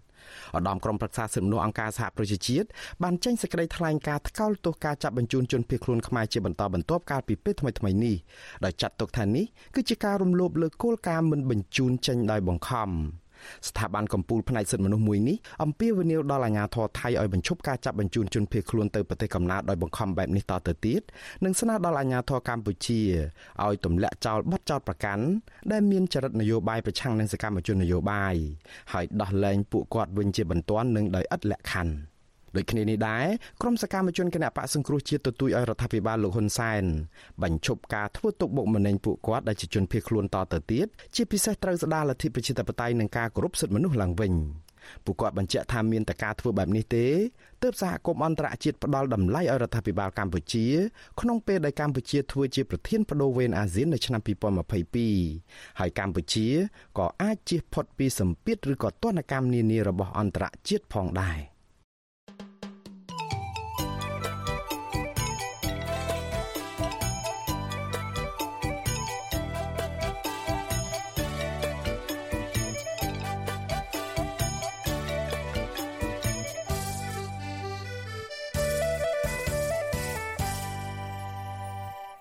បលូននាងជាទីមេត្រីប្រជាសហគមន៍ព្រៃឡង់រកឃើញរណាយន្តជាង100គ្រឿងគោយន្តដឹកឈើជិត100គ្រឿងនិងរថយន្តកែច្នៃ4គ្រឿងដែលជាមធ្យោបាយកាប់បំផ្លាញព្រៃឡង់ធ្វើអាជីវកម្មយ៉ាងពេញទំហឹងនៅក្នុងដែនជម្រកសត្វព្រៃឡង់ខេត្តព្រះវិហារដែលមានជាប់ពាក់ព័ន្ធនឹងក្រុមហ៊ុនវៀតណាម PNT ប្រជាសហគមន៍ព្រៃឡង់បានស្ដីបន្ទោសឆ្មាំអភិរក្សរបស់ក្រសួងបរិស្ថានថានៅតែមិនអើពើទប់ស្កាត់បទល្មើសព្រៃឈើខ្នាតធំទាំងនេះតែបែរជាស្វែងរកអ្នកការពារព្រៃឈើដើម្បីអនុវត្តច្បាប់ទៅវិញបាទលោកជីវិតាមានសេចក្តីរាយការណ៍ជុំវិញព័ត៌មាននេះប្រជាសហគមន៍ខេត្តព្រះវិហារ8នាក់បានលបចុះល្បាតព្រៃឡង់រយៈពេល4ថ្ងៃគឺចាប់ពីថ្ងៃទី13ដល់ថ្ងៃទី16ធ្នូដោយបានរកឃើញទីតាំងកាប់ឈើខ្នាតធំ9កន្លែង ដែលជាតំបន់បន្សល់ឈើមូលធំធំចុងក្រោយ ដែលក្រសួងបរិស្ថានចាត់ទុកថាជាតំបន់ស្នូលឬហៅថាតំបន់ការពារតឹងតែងបំផុតឧក្រិដ្ឋកម្មព្រៃឈើទាំងនេះស្ថិតនៅចំណុចបោះស្រាំងជ្រប់ក្បាលដំរី ស្រែកណ្ដោលភូមិចាស់ភ្នំចោត ប្រាសាទគោលព្រៃស្រឡៅអូអាចដែកនិងចំណុចក្បាលតាងុតប្រជាសហគមន៍អះអាងថាក្រុមអ្នកកាប់ឈើ បានបោះតង់ជាច្រើនកន្លែង ដើម្បីលបកាប់ឈើធំធំ ពង្រាយពេញព្រៃដោយភ ieck ច្រើនជាពលរដ្ឋចំណូលស្រុកមកពីខេត្តរតនគិរីឧត្តរមានជ័យនិងខេត្តកំពង់ធំជាដើម សមាជិកបណ្ដាញសហគមន៍ព្រៃឡង់ខេត្តព្រះវិហារលោកស្រីទីនអះអាងនៅថ្ងៃទី20ធ្នូថាឧក្រិដ្ឋកម្មព្រៃឈើទ្រង់ទ្រាយធំនេះកើតឡើងតាំងពីដើមឆ្នាំ2021មកទល់ពេលនេះ ដោយគ្មានមន្ត្រីបរិស្ថាននិងអាជ្ញាធរណាទប់ស្កាត់នោះទេ លោកថាគ្រាន់តែផ្លូវមួយច្រកមានគោយន្ត27គ្រឿងដឹកឈើទាំងយប់ទាំងថ្ងៃចេញពីព្រៃឡង់មកទម្លាក់ទុកនៅជាយព្រៃឡង់ក្នុងការដ្ឋានក្រុមហ៊ុនវៀតណាម PNT ស្ថិតនៅក្នុងស្រុករវៀងខេត្តព្រះវិហារដោយមានរថយន្តឆ្នៃ4គ្រឿងចាំទទួលដឹកឈើបន្ត លោកបន្ថែមថា ក្រុមកម្មករជាង100នាក់ដែលស៊ីឈ្នួលកាប់ឈើនិងដឹកឈើឲ្យក្រុមហ៊ុនសុទ្ធតែមានជំនាញអាចឈើក្នុងព្រៃដោយមិនខ្លាចច្បាប់នោះឡើយលោកស៊ើបដឹងថាឧក្រិដ្ឋកម្មព្រៃឈើទាំងនេះកើតឡើងច្រើនដោយសារមានការខុបខិតគ្នាជាប្រព័ន្ធជាមួយឆ្មាំអភិរក្សរបស់ក្រសួងបរិស្ថានការធ្វើទង្ទ្រាយធំនឹងដោយការខុបខិត ពីពួកមន្ត្រីបកឋានចឹងអត់មានធ្វើធានការទប់ស្កាត់បទល្មើសណាមួយនោះមានតែការបណ្ដេតបណ្ដោយឲ្យបទល្មើសចូលកាប់អាណាធិបតេយ្យគ្មានច្បាប់គ្មានទម្លាប់ចឹងណាទោះបីជាក្រុមហ៊ុននឹងចុះកងត្រាជាមួយក្រសួងឲ្យដីសម្បត្តិឬក៏ព្រៃសម្បត្តិក៏វាមិនចូលឲ្យតំបន់ការពារអញ្ចឹងណាក្រសួងបកឋាននៅតែប្រងើយកន្តើយមិនអើពើរឿងព្រៃឡង់ខ្ញុំគិតថានៅថ្ងៃខាងមុខព្រៃឡង់នឹងរលាយចាត់ទុកថាជាព្រៃនឹងជាព្រៃទីវាលអត់មានជាព្រៃដែលយើងត្រូវអភិរក្សទៀតទេ រីឯអ្នកសម្របសម្រួលសហគមន៍ព្រៃឡង់ខេត្តព្រះវិហារលោកស្រីថៃ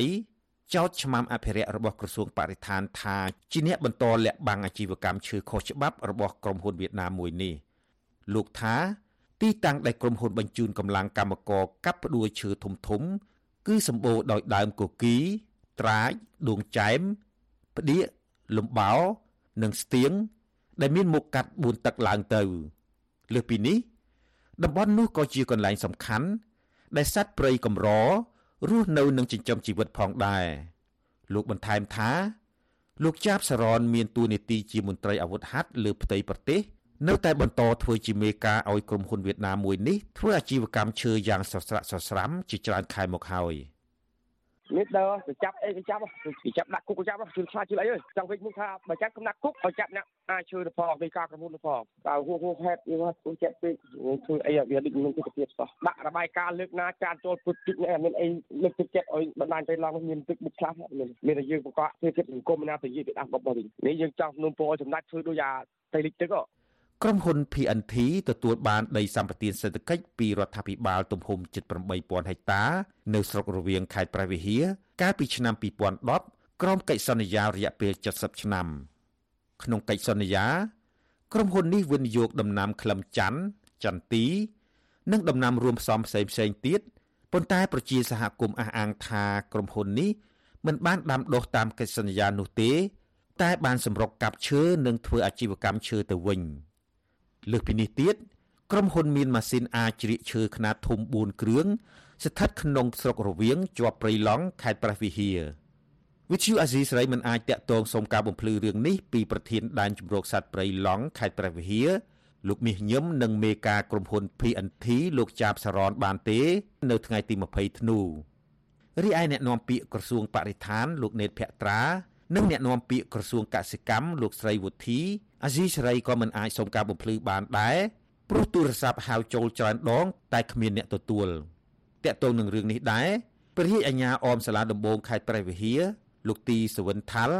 ប្រាប់អាស៊ីសេរីថាសំណុំរឿងបទល្មើសព្រៃឈើពាក់ព័ន្ធនឹងក្រុមហ៊ុននេះបានឈានដល់ដៃចៅក្រមស៊ើបសួរហើយលោកបដិសេធមិនអធិប្បាយលម្អិតរឿងនេះទេ ដោយលោកអះអាងថាវាជាកិច្ចការសម្ងាត់របស់តំណាងអัยការនិងតុលាការទោះជាយ៉ាងណា លោកផ្ដាំឲ្យប្រជាសហគមន៍ព្រៃឡង់តាក់ទងមកលោកផ្ទាល់ហើយជូនលោកទៅពិនិត្យមើលបទល្មើសព្រៃឈើជាក់ស្ដែងប្រសិនបើរកឃើញថាមានជនណាប្រព្រឹត្តខុសច្បាប់ដោយលោកត្រូវអនុវត្តច្បាប់មិនលើកលែងទេចង់ដឹងការពិតឲ្យពួកហ្នឹងក្រក់បកគលទាំងអស់ហ្នឹងមកជួបខ្ញុំហើយខ្ញុំសុខចិត្តចំណាយលុយផ្ទាល់ខ្លួនចុះទៅពិនិត្យមើលហើយដាក់លក្ខខណ្ឌទាំងអស់គ្នាអ្នកណាខុសត្រូវទទួលខុសត្រូវចំពោះមុខច្បាប់ជុំវិញរឿងនេះ មន្ត្រីសម្របសម្រួលគម្រោងសមាគមបណ្ដាយុវជនកម្ពុជា លោកអូតឡាទីន សង្កេតឃើញថាក្រសួងបរិស្ថានទាំងមូលមិនត្រឹមតែគ្មានសមត្ថភាពការពារព្រៃឡង់ឲ្យគង់វង្សនោះទេ តែបែរជាបន្តធ្វើទុកបុកម្នេញនិងរារាំងលើប្រជាសហគមន៍ការពារព្រៃឡង់ទៅវិញលោកថាក្រមល្បាតសហគមន៍មិនអាចការពារព្រៃឈើបានពេញលេញនោះទេព្រោះមន្ត្រីបរិស្ថានតែងតែតាមដាន និងឃ្លាំមើលពួកគេដល់ផ្ទះលោកគិតថា ប្រសិនបើក្រសួងបរិស្ថាននៅតែបន្តរដ្ឋបិទសិទ្ធិសហគមន៍មិនឲ្យចុះល្បាតព្រៃឈើបែបនេះមិនយូរទេដើមឈើធំធំក្នុងដែនអភិរក្សនេះនឹងរលាយហិនហោចទាំងស្រុង។ ប៉ុន្តែបើសិនជាហាមសហគមន៍មិនអោយការពារហើយបែរជាមិនអាចមានសមត្ថភាពក្នុងការទប់ស្កាត់បទល្មើសបានជារឿងដែលគួរឲ្យអាម៉ាស់ក្រសួងខ្លួនឯងបើសិនជាមានចេតនានៅក្នុងការចង់ឲ្យព្រីឡង់នៅគង់វងបានខ្ញុំគិតថាมันចាំបាច់បង្កបរិយាកាសស្មុគស្មាញដល់សហគមន៍មូលដ្ឋានទេអានឹងខ្ញុំគិតថាវាគ្រាន់តែជាលេសមួយដើម្បីដាក់គំនាបឬក៏ដាក់សម្ពាធពួកគាត់នៅក្នុងការការពារព្រៃទេមន្ត្រីសង្គមស៊ីវិលរូបនេះបន្ថែមថាប្រជាសហគមន៍បានឆ្មក់ចុះល្បាតព្រៃឡង់នៃក្នុងព្រៃ3យប់ ដើម្បីឃ្លាំមើលពីស្ថានភាពព្រៃឡង់ពេលថ្មីថ្មីនេះដែលរកឃើញផុសតាងភ្ជាប់រូបភាពនិងវីដេអូបង្ហាញពីបទល្មើសព្រៃឈើយ៉ាងច្បាស់លាស់ក្នុងគោលបំណងស្នើឲ្យក្រសួងបរិស្ថានលុបបំបាត់បទល្មើសព្រៃឈើប៉ុន្តែក្រសួងសម័យនិងអាជ្ញាធរតែងច្រានចោលដោយមិនបានចុះទៅស៊ើបអង្កេតនោះទេកាលពីខែសីហាឆ្នាំ2021កន្លងទៅតំណាងអัยការអមសាលាដំបងខេត្តព្រះវិហារ បានចេញដីកាបញ្ជាឲ្យម្ចាស់ក្រុមហ៊ុនដួងស្រួយ Group គឺលោកដួងស្រួយនិងប៉ាក់ពួកបង្ហាញខ្លួននៅស្ថាប័នអัยការខេត្តនេះដើម្បីសាកសួរក្នុងសំណុំរឿងកັບប្រមូល និងកែច្នៃឈើប្រណិតគ្រប់ប្រភេទនិងបទញុះញង់ឲ្យប្រព្រឹត្តបទល្មើសឧក្រិដ្ឋជាអាតដែលប្រព្រឹត្តទៅនៅចំណុចត្រពាំងឈើទាលពេនក្នុងដែនព្រៃឡង់ខេត្តព្រះវិហារផ្អែកតាមច្បាប់ព្រហ្មទណ្ឌនិងច្បាប់ស្តីពីតំបន់ការពារធម្មជាតិ ប្រជាសហគមន៍ថាសំណុំរឿងនេះគឺមានជាប់ពាក់ព័ន្ធនឹងក្រុមហ៊ុនវៀតណាម PNT ប៉ុន្តែមកទល់ពេលនេះហាក់ដូចជាស្ងាត់ឈឹងមិនឃើញស្ថាប័នអัยការនាំខ្លួនជនសង្ស័យណាម្នាក់មកផ្ដន់ទោសនៅឡើយទេ ចំណែកក្រុមហ៊ុន នៅតែបន្តបញ្ជូនកម្មករទៅកាប់ឈើក្នុងព្រៃឡង់ដដែលខ្ញុំជីវិតាអាស៊ីសេរី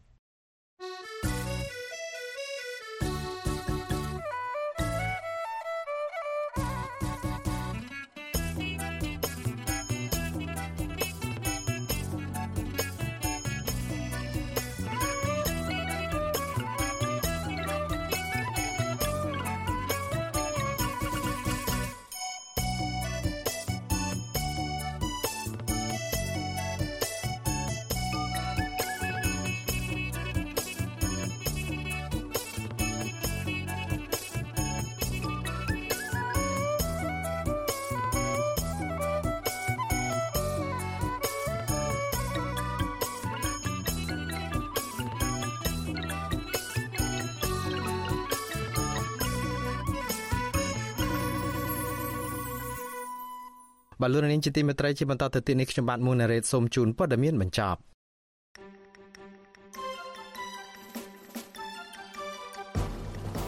ប្រធានគណៈបកផ្នែកក្រោកលោកសុកសវណ្ណវឌ្ឍនាសម្បុង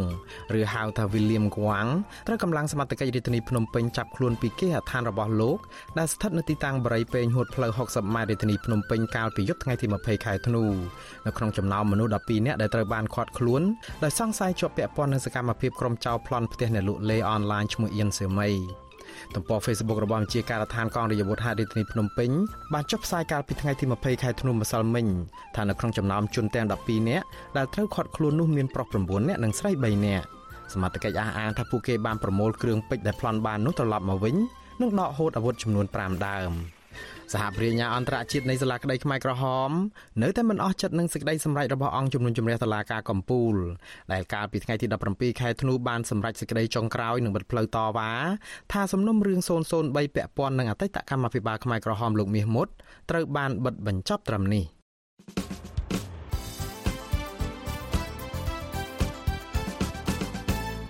បាទលោកនាងកញ្ញាអ្នកស្ដាប់ជាទីមេត្រីការផ្សាយរយៈពេល1ម៉ោងជាភាសាខ្មែររបស់វិទ្យុអាស៊ីសេរីនៅពេលនេះចប់តែប៉ុណ្ណេះយើងខ្ញុំសូមជូនពរដល់លោកនាងព្រមទាំងក្រុមគ្រួសារទាំងអស់ឲ្យជួបប្រកបតែនឹងសេចក្តីសុខចម្រើនរុងរឿងកុំបីឃ្លៀងឃ្លាតឡើយខ្ញុំបាទមុងណារ៉េតព្រមទាំងក្រុមការងារទាំងអស់នៃវិទ្យុអាស៊ីសេរីសូមអរគុណនិងសូមជម្រាបលា